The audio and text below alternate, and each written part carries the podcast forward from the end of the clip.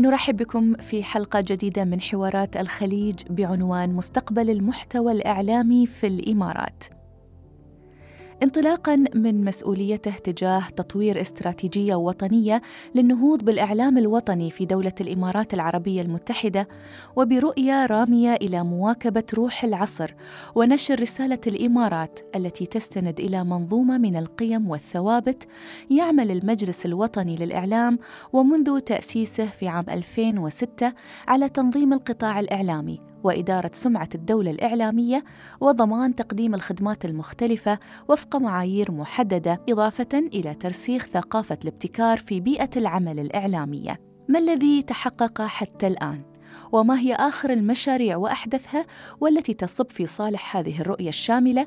وكيف يمكن للمحتوى الإعلامي أن يكون أحد صور تحقيق استراتيجية المجلس؟ نلتقي في هذا الحوار مع ضيفي الأستاذ إبراهيم خادم مدير المحتوى الإعلامي في المجلس الوطني للإعلام. أستاذ إبراهيم يا مرحبا بك. الله يحييك ويخليك يا أستاذة صفية ونحن نرحب فيكم في المجلس الوطني للإعلام. يعني الإدلاء بكل ما هو مفيد ومستنير آه، لإمارتنا الحبيبة. لذلك نحن بنبدأ من الاستراتيجية أستاذ إبراهيم.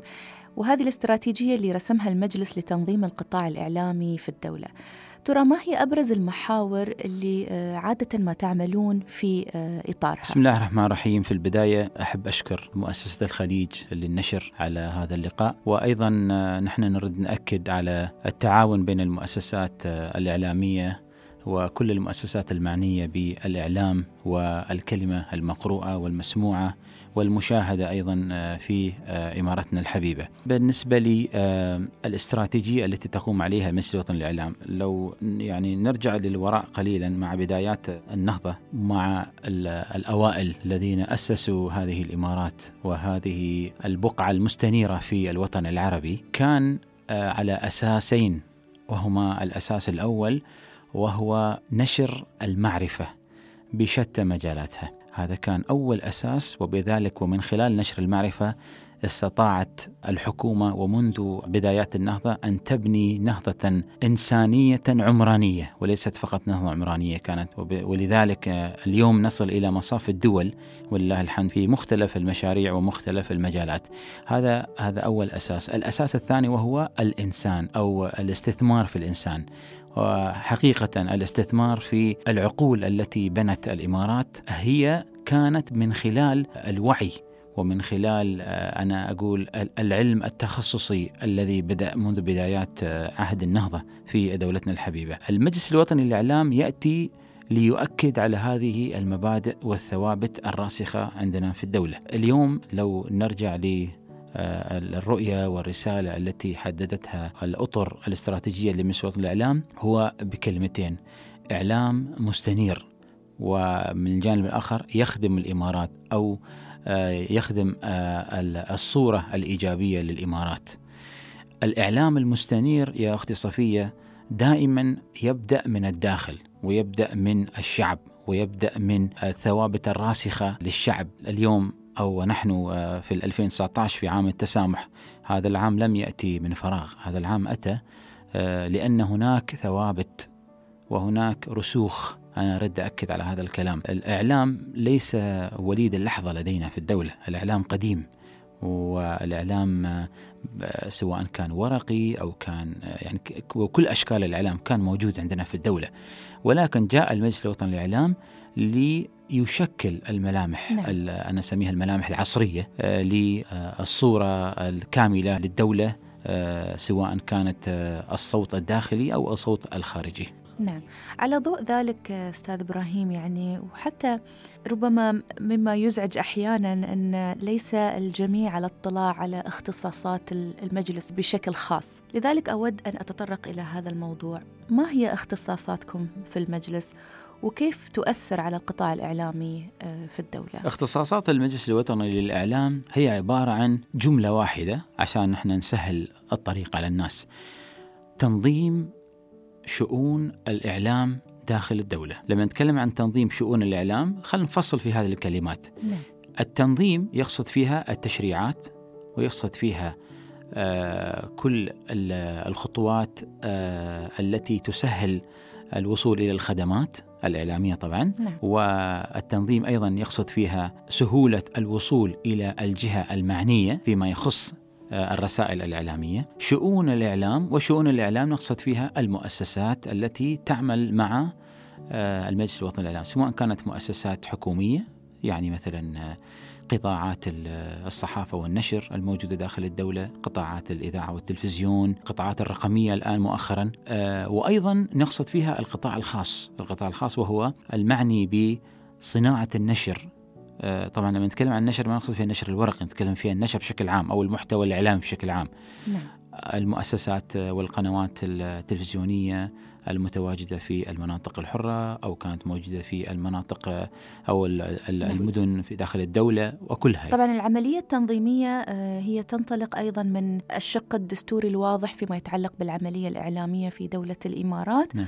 وأيضا التعاون نعم. بينكم وبين هذه القطاعات المختلفة سواء كانت في مناطق حرة أو مدن إعلامية أو نعم. حتى مؤسسات وطنية مختلفة بالضبط. ومؤخرا كما تفضلت الشؤون الخاصة بالإعلام الرقمي نعم.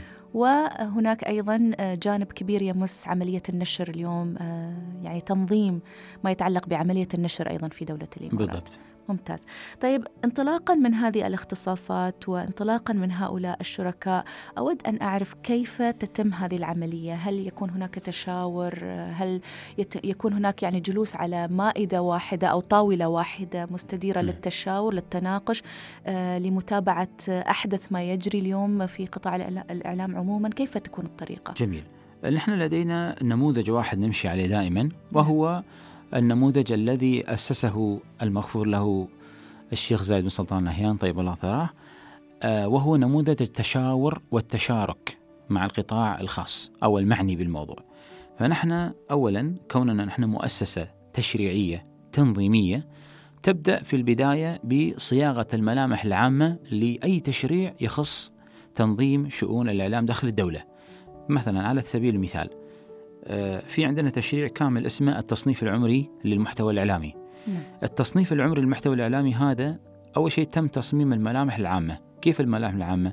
يعني في البداية يتم دراسة المشروع حيثياته تفاصيله آه، الاطلاع على أفضل التجارب أفضل الممارسات في الدول المحيطة آه، بعد ما يتم جمع كل هذه المكونات أنا أسميها الرئيسية والأساسية نعم. لهذا المشروع التشريعي من بعدها يعرض على على المعنيين من القطاع الخاص أو أسميهم السوق المعنيين في السوق. يعرض عليهم بشكل تشاوري. إلى أي حد يمكن تطبيق هذا المشروع وإلى أي حد يفيد هذا المشروع تنظيم شؤون السوق. وبالفعل هذا اللي حصل. إحنا مثلا فلنفترض لما نتكلم عن التصنيف العمري. التصنيف العمري طبعا معني فيه المؤسسات آه، المعنية بالنشر سواء كانت مكتبات سواء كانت شركات توزيع كتب أو كان دور نشر. تم بالفعل تم الجلوس معهم على طاولة واحدة وتم استعراض عليهم المشروع قبل ما يتم الإعلان عنه.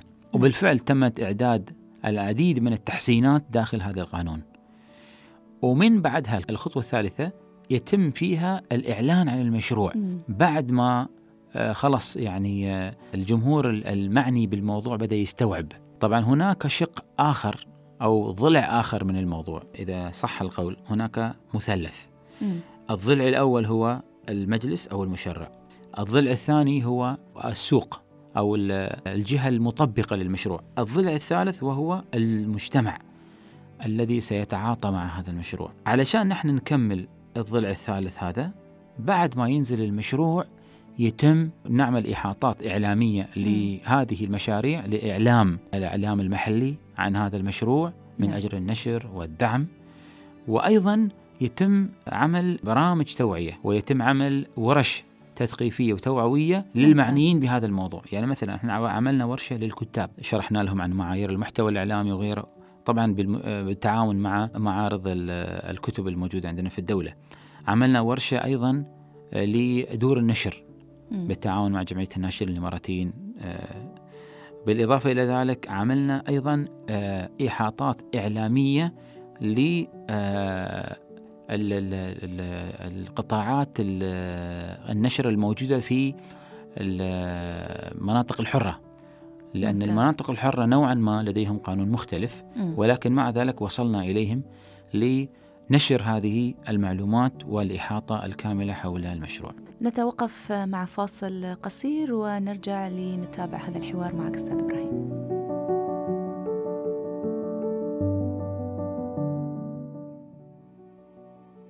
عودة لحوارات الخليج مع الأستاذ إبراهيم خادم مدير المحتوى الإعلامي في المجلس الوطني للإعلام. أستاذ إبراهيم تطرقت لنظام التصنيف العمري وذكرت الشق المتعلق بالنشر. الكتاب والكتب ودور النشر. لكن ما هي الأمور الأخرى أيضا اللي آه، تندرج تحت نظام التصنيف العمري؟ أه لما نتكلم عن تصنيف عمري اللي هو يسمونه age rating يعني اليوم لو أنت تدخلين في أي محرك بحث تكتبين age rating بيطلع لك نظام متكامل موجود مثلا في أمريكا بس يقول لك موجود في السينما. أو يطلع لك مثلا نظام موجود في أوروبا مثلا آه للألعاب ال games إحنا حاولنا نشمل كل هاي الأشياء. فالتصنيف العمري يشمل الألعاب الإلكترونية ويشمل الأفلام السينمائية ويشمل الكتب ومحتوياتها سواء كانت روايات أطفال. biographies شو ما كانت. هل يشمل أيضا المنصات الرقمية؟ لنقل مثلا المحتوى اللي آه، يتم نشره عبر مثلا منصة معينة نعم. آه، متخصصة بالمقاطع الفيديو مثلا. هل المنص... يشملها أو المنصات الرقمية طبعا مثل ما قلت لك إحنا مؤخرا بدأنا يعني تنظيم شؤون آه، النشر الرقمي بسميه أنا. نعم. مؤخرا لأن النشر الرقمي بالنسبة لنا يعني ليس قديما يعني هو حديثا. فلذلك إحنا عملنا نظام متكامل اسمه نظام الإعلام الإلكتروني. م. نظام شامل. يشمل المنصات الرقمية بمحتوياتها ويشمل أيضا المؤثرين وقنوات التواصل الاجتماعي واقصد شبكات التواصل الاجتماعي وغيره. م. فهذا هو هذا هذا مشروع آخر. نعم. إيه، والمشروع أيضا هذا يعني يمشي عليه أو يجري عليه ما يجري على المحتوى الإعلامي. لأنه في النهاية محتوى سواء كان رقمي أو كان ورقي أو كان مرئي أو كان مسموع أو كان يعني آه، قابل للعب جيمز يعني ألعاب. نعم. ففي النهاية هو عبارة عن محتوى. إحنا المعنيين فيه مثل ما تطرقت في البداية بداية الحديث أن المجلس الوطني للإعلام هو معني بتنظيم شؤون المحتوى الإعلامي نعم. داخل الدولة بصراحة أستاذ إبراهيم أنا دائما ما كانت تسبب لي هاي النقطة خاصة المتعلقة بالمؤثرين نعم. آه، الآن يعني كيف أيضا يتم تحقيق التوازن لأن الآن ليس كل المؤثرين أيضا إعلاميين صحيح. هناك من آه، يعتبر وجوده على وسائل التواصل الاجتماعي مشاريع للتكسب أكثر من صح. أنك حضور إعلامي بالضبط. فهل يعني تقومون أيضا بتحقيق نوع من التوازن في, في هذا الأمر؟ طيب خلينا نحن نكون شوي واقعيين آه، يعني بعيد عن موضوع إن إجبارهم على تشريع معين أو نعم. شيء. الواقع اليوم يقول إن الإعلام الرقمي في امتداد. م. والإعلام الرقمي عبارة عن بحر وشبكات التواصل الاجتماعي طبعا آه، كثيرة وقاعدة تكثر أعطت المجال لحرية نشر المحتوى بالطريقة التي يراها صاحب الكلمة وليس ما يراها المشرع. حلو؟ لما نتعامل مع إعلام بهذا النوع يجب أن التشريع أيضا يتواءم مع هذا النوع من الإعلام. فما يصير اني أنا أستخدم تشريع قديم لمعالجة محتوى جديد لذلك إحنا صممنا الإعلام الإلكتروني الذي يشمل التواصل الاجتماعي ويشمل أيضا المحتوى الرقمي بشكل عام. عملنا يعني خطوة من الخطوات أنا أعتقدها خطوة جيدة الحمد لله بشهادة حتى المؤثرين نفسهم. عملنا موضوع تسجيل المؤثرين. تسجيلهم بمعنى حفظ حقوقهم مش تقييدهم. فاليوم لما أنا أقول لمؤثر اجتماعي عنده مثلا متابعين وفي نفس الوقت يتكسب من وراه أنا كمجلس وطني الإعلام أقول له بالعكس يعني إحنا بالنسبة لنا ننظم ونشرع هذه العملية أفضل مما نقيد. فيأتي ويسجل القناة أو يسجل آه، الموقع الخاص فيه أو القناه آه، أو الحساب الخاص فيه يسجله. نعم. وبالتالي هو يحفظ حقوقه اولا. ثانيا هو يلتزم ويتعهد بالالتزام بمعايير المحتوى الإعلامي. طبعا هو 16 معيار راح نتطرق لاحقا إن شاء الله. يلتزم بأنه سينشر أو كل ما ينشر هو المسؤول عنه فهو المسؤول عن نفسه. إحنا قاعدين ندخل في يعني موجة جديدة من موجات الوعي. يعني وأيضا اليوم ومسألة أن المستخدم هو مقدم هو المحتوى الآن. هو المقدم المحتوى نعم. وهو المسؤول. بالضبط. يعني هو المسؤول الأول والأخير عن المحتوى. هل نقدر نعرج على بعض المعايير الآن أثناء هذا الحديث؟ طبعا نحن عندنا كثير منهم عندنا 16 معيار ممكن نتطرق عنها بشكل عام يعني. ربما الأساس أو ما يرتبط أي. بالمحتوى يعني بدرجة خاصة. بش بشكل عام بشكل عام معايير المحتوى الإعلامي هي كلها منبثقة من قانون المحتوى أو قانون المطبوعات اللي صدر في 1981 ومن بعدها آه، طبعا مع مع التطورات التي حدثت في الدولة وغيرها آه، بدأ في تطوير آه، وتعديل هذا القانون. يعني بشكل عام بس هو الأساس نعم. اللي هو 1981 بالضبط هيك. نعم. يعني مثلا عدم التعرض مثلا لما يسيء لمبادئ الدولة آه بشكل عام مثلا أن يكون المحتوى محتوى يعني قدر الإمكان محتوى يكون إيجابي وغير مثير. اللي مثلا لمسائل مثلا عنصرية وغيرها لأن هذه الأشياء اللي أحدثنا فيها وعدلنا فيها نعم. عشان قانون التمييز العنصري. لا يؤثر على مثلا المحتوى نفسه لا يؤثر على ما يسيء للطفل مرة ثانية قانون حقوق الطفل أو قانون نعم. حقوق الطفل. لا يشجع على على الأمور اللي فيها المسكرات المخدرات وغيرها. نعم. أيضا قانون المخدرات القانون العالمي لمكافحة المخدرات. ممتاز. فنحن استقينا من كل هذه القوانين سواء كانت قوانين يعني داخل الدولة أو كانت قوانين عامة والروح الأساسية هي الدستور بالدستور الدستور نفسه بالمناسبة كل هذه القوانين موجودة في موقع المجلس الوطني المجلس الوطني نعم. طيب آه، بمناسبة ذكرنا أيضا لكل نعم. هذه نعم. النقاط اليوم لو نقدر نلخص بعض التحديات اللي تظهر عند عند حديثنا عن المحتوى الإعلامي آه، المحلي والله هناك حقيقة يعني في تحديين كبار يعني نحب نتكلم عنها يعني بإسهاب نوعا ما في هذا اللقاء. التحدي الأول وهو مسؤولية صاحب المحتوى. سواء كان صاحب المحتوى على على المستوى الرقمي يعني يكون مؤثر اجتماعي أو كان على المستوى اللي هو التقليدي أو العام المشهور سواء كتاب كان أو مجلة أو حتى كان في قناة تلفزيونية. واحد هو موضوع المسؤولية انه يضع أمام المحتوى الذي قبل أن ينشره أو قبل أن يضغط على زر النشر أن يكون هو المسؤول الأول والأخير الأول والأخير عن ما ينشره. فهذا تحدي كبير آه، اليوم نحن نشوف على كثر المحتويات الجيدة والرائعة اللي موجودة في منصات التواصل الاجتماعي. أيضا في المقابل هناك محتويات قد تحتاج إلى إعادة النظر فيها وقد تحتاج إلى أن صاحبها قد قد يندم على ما نشره. فنحن نقول يعني هو يفضل أنه يطلع على القوانين آه، يحضر ورش آه، اللي تخص التشريعات والقوانين وغيرها. وبالمناسبة كل هاي منشورة في مش فقط في مواقع المجلس الوطني الإعلام بل حتى منشورة في كل المواقع الإعلامية. إحنا بالتعاون مع المؤسسات الإعلامية عندنا في الدولة آه يعني نشرنا هذه المعايير وهذه القوانين كلها لتكون متاحة بين يدي الجميع. هذا أول تحدي وتحدي كبير حقيقة. التحدي الثاني وهو نوعية المحتوى. يعني اليوم إحنا عندنا تحدي كبير في إثراء المحتوى العربي. إثراء المحتوى العربي اليوم المحتوى العربي اليوم الموجود في في شبكات التواصل الاجتماعي وفي قنوات البلاتفورمز أو الرقمية أو غيرها. المحتوى ليس يعني بالقدر الكافي الموجود. اليوم إذا تبغين تبحثين عن موضوع مثلا ال nano technology أو مثلا ال artificial intelligence مثلا اللي هو ذكاء لابد أنك تلجأ إلى مصادر في نهاية المجال المطاف تكون غير عربية. غير عربية. نعم. هي فيا ريت لو يعني إحنا نوظف جهودنا في يعني هذا الاتجاه.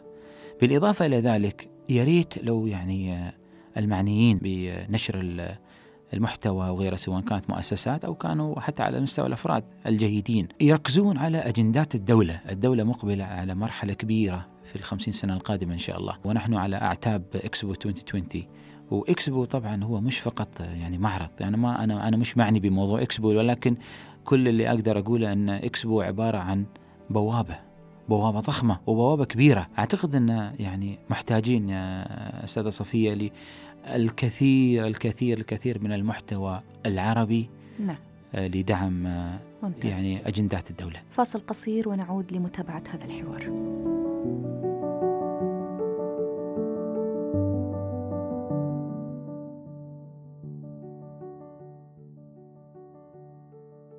عودة مستمعينا الكرام إلى هذا الحوار الثري مع الأستاذ إبراهيم خادم.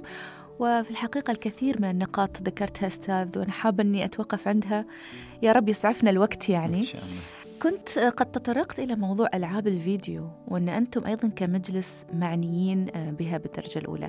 نحن نعرف أن نحن صرنا في وقت يعني نسمع ألعاب يلعبها الأطفال وحتى الكبار.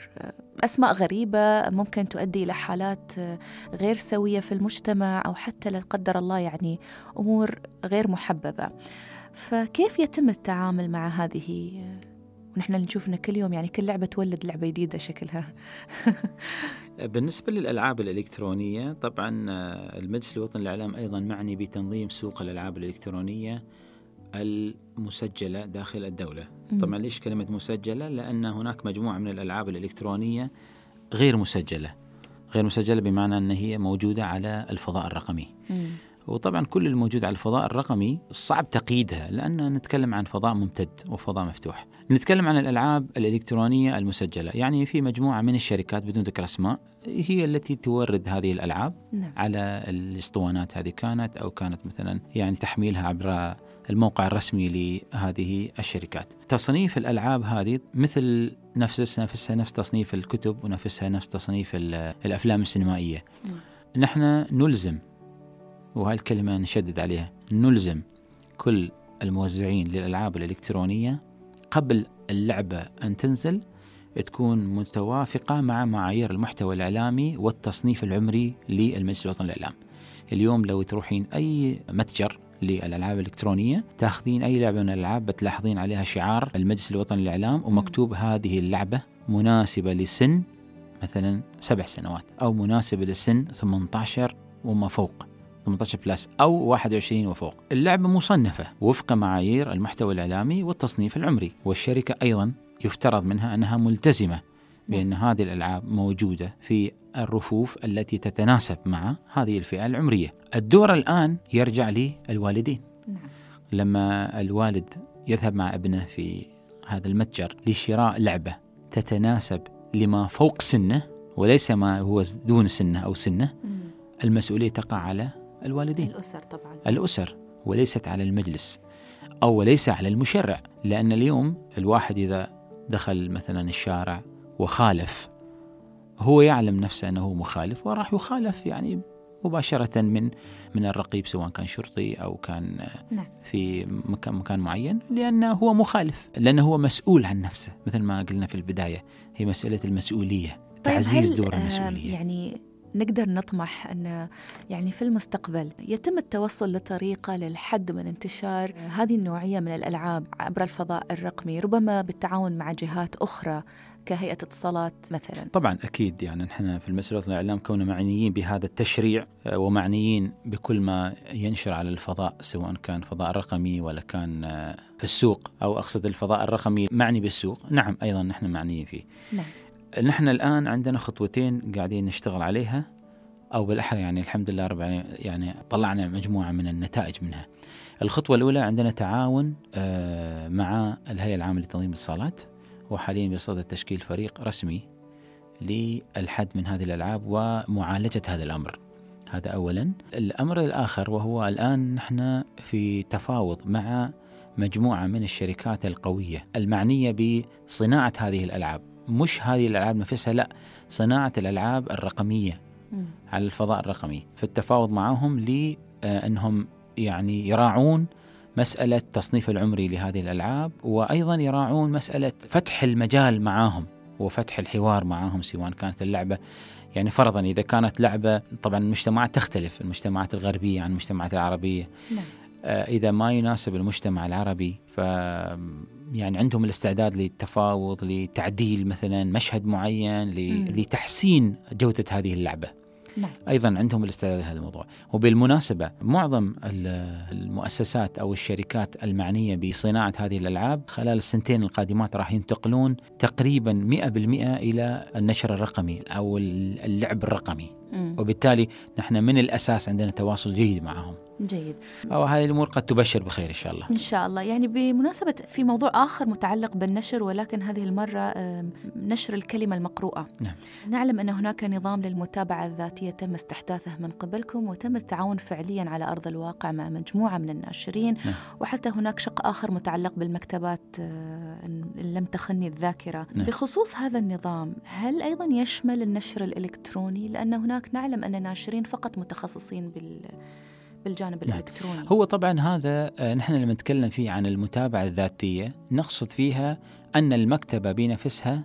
من بعد طبعا بعد تدريب وبعد آه، يعني التأكد من التزامهم بمعايير المحتوى الإعلامي والتصنيف العمري من بعدها المكتبة هي المسؤولة عن نشر كل المحتوى المقروء في مكتبتها أو في آه، المتجر الخاص فيها نعم سواء كان رقمي أو حتى كان ورقي نحن نتكلم عن المحتوى مم. مسألة الرقمي أو مسألة الورقي أو مسألة المسموع مم. كلها عبارة عن صيغ مختلفة أو أوجه مختلفة للمحتوى فنحن لما نتكلم بشكل عام نتكلم عن المحتوى نعم الأساس هو في تفويض المسؤولية إلى نعم. هؤلاء الأشخاص لمتابعة المحتوى ذاتيا بالضبط آه، هذا هو من باب أيضا التعاون والتفويض. إحنا إحنا دائما نركز ونأكد على مسألة آه، المسؤولية وتعزيز الدور الحقيقي ممتاز. للشريك نحن نعتبرهم شركاء معنا في هذه العملية ربما أكبر وأهم شريك بالنسبة لكم هو المجتمع نعم. آه، أستاذ أكيد نحو مجتمع واعي إعلاميا نعم. يعني بين ما تم تحقيقه فعلا والمأمول وأنتم تخصصون أيضا جزء من برامجكم وأنظمتكم المختلفة لتعزيز هذا الجانب. والله الحديث يطول في هذا الموضوع لأن نتكلم عن المجتمع نتكلم عن مؤسسات تعليمية نتكلم عن قطاع حكومي نتكلم عن قطاع خاص نتكلم عن فئات المجتمع المختلفة نتكلم عن تعددية ثقافية. نعم. تنوع كبير جدا في أنا أجزم بأن هذا التنوع هو اختلاف تنوع وليس اختلاف تضاد. وبالتالي نحن ننطلق من هذه الانطلاقة الجميلة. المجتمع اليوم لديه الاستعداد على يعني تقبل برامج الوعي وبرامج التوعية لأبنائها ولكل من هم معنيين ومسؤولين عنهم. نعم. آه، بالفعل نحن لاحظنا يعني اليوم أنت لو تلاحظين أي آه، حملة توعوية على مختلف المجالات تشوفين المجتمع كله يتعاون ويتآلف مع هذه الحملة. أبسط مثال على ذلك وهو آه، شوفي لما في كل عام القيادة الحكيمة لما تعلن عن هوية العام بشوفين ال- الكل بلا استثناء بمختلف الجنسيات يعني يت- يتشارك نعم. ويتعاطف مع هذه مع هذا العام و ويشترك بكل ما ما عنده يعني لإنجاح هذا العام وسبق وعام زايد لاحظت يمكن هذا الأمر نعم. وال- والسنة هذه هو عام التسامح فأعتقد أن المجتمع عنده الاستعداد هذا أولا ثانيا بالنسبة للمجلس الوطني للإعلام نحن لما يعني لما عندنا مشروع توعوي أو نشر لتوعية معينة فورا فورا لا نتردد في التعاون مع المؤسسات آه، الإعلامية كانت. أو حتى المؤسسات آه، التي هي معنية بنشر الكلمة عندنا تعاون طبعا مع المؤسسات الإعلامية بحكم إحنا عملنا معاهم أصلا نعمل معاهم المؤسسات الإعلامية عندنا برنامج متكامل اسمه تثقيف. والبرنامج هذا هو معني ب آه، خاصة هذه السنة بتكثيف الجهود في التوعية لكل فئات المجتمع بمعايير المحتوى الإعلامي. يعني باختصار كيف تقتني المحتوى المناسب لك ولابنك؟ إن, إن تحدثنا عن مثلا موضوع الأفلام السينمائية. اليوم نشوف في كل دور السينما الموجودة في الدولة نشوف معايير المحتوى والتصنيف العمري لكل ال- الأفلام موجودة. فيها شرح مبسط عن عن كل معيار أو من كل مصنف أو صنف. جميل. إذا هذا البرنامج برنامج تثقيف سيضم يعني مختلف ال- الجوانب اللي آه، تودون أيضا زيادة أو تفعيل وعي المجتمع آه، بها مما يتعلق بالمحتوى المحتويات على أشكالها آه، المختلفة. أخيرا أستاذ إبراهيم أود أن أتوقف مع الأحدث نعم. واللي سمعنا عنه قبل يعني تقريبا كم من يوم اللي هو متعلق بقطاع الإعلام المحلي نفسه. نعم. ما هو الجديد؟ وهذا النظام يخص أي قطاع بالتحديد من القطاعات الإعلامية. نعم. نظام الإعلام المحلي طبعا جاء بالتعاون وبالشراكة مع المؤسسات الإعلامية المحلية في الدولة. نعم. وتم الإعلان عن هذا المشروع في وبمباركة أيضا طبعا اجتماعات حكومة الإمارات السابق. تم أيضا بالتعاون مع القنوات التلفزيونية التي تتبع هذه المؤسسات الإعلامية في الدولة. المشروع طبعا هو يهدف إلى تعزيز المحتوى المحلي في هذه القنوات. آه، مشروع طبعا كبير بالتعاون مع هذه القنوات مشكورة. آه، راح يكون إن شاء الله في متابعة بالتعاون معهم أيضا آه، لدعم المحتوى الإماراتي دعم البرامج من خلال دعم المسلسلات أيضا حتى المسلسلات أو البرامج الوثائقية. أيضا يدعم وجود المذيع الإماراتي أو مقدم البرامج الإماراتي أيضا يدعم صاحب أو صانع أو معد البرامج الإماراتي. طبعا لما نتكلم عن إماراتي ما نقصد فيها آه، إماراتي بمعنى تراثي لا نتكلم عن إماراتي كل ما يعني بأجندة الإمارات بشكل عام. جميل. وهناك شق خاص بالأطفال أيضا محتوى طبعا. المتعلق ما ننسى أطفالنا الأطفال. طبعا. آه، في شق خاص وفي وفي آه، التزام من المؤسسات هذه بساعات معينة لدعم هذه البرامج. هل هناك معايير معينة؟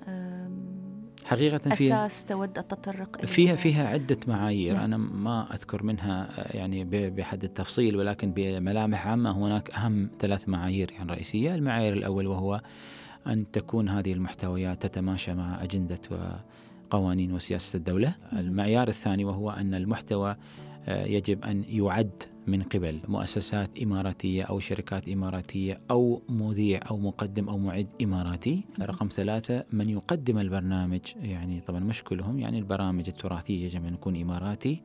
آه وإذا كان برنامج عام ممكن يكون 50% منهم إماراتي أو يعني نتكلم عن يعني نتكلم عن برنامج نتكلم عن برنامج آه يعني برنامج تلفزيوني. قد يكون مسلسل قد يكون يعني فيلم قصير قد يكون آه، يعني المهم محتوى راح يكون ممتاز يعني هناك أيضا حتى تم تخصيص نسب آه، نعم. معينة مدروسة نعم. تشمل كل القطاعات اللي تنضوي تحت مظلة آه، المحتوى المحلي بالضبط.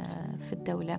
الأستاذ إبراهيم خادم مدير المحتوى الإعلامي في المجلس الوطني للإعلام شكرا لك وشكرا لمن تابعنا في حوارات الخليج إلى اللقاء في حلقات قادمة. شكرا.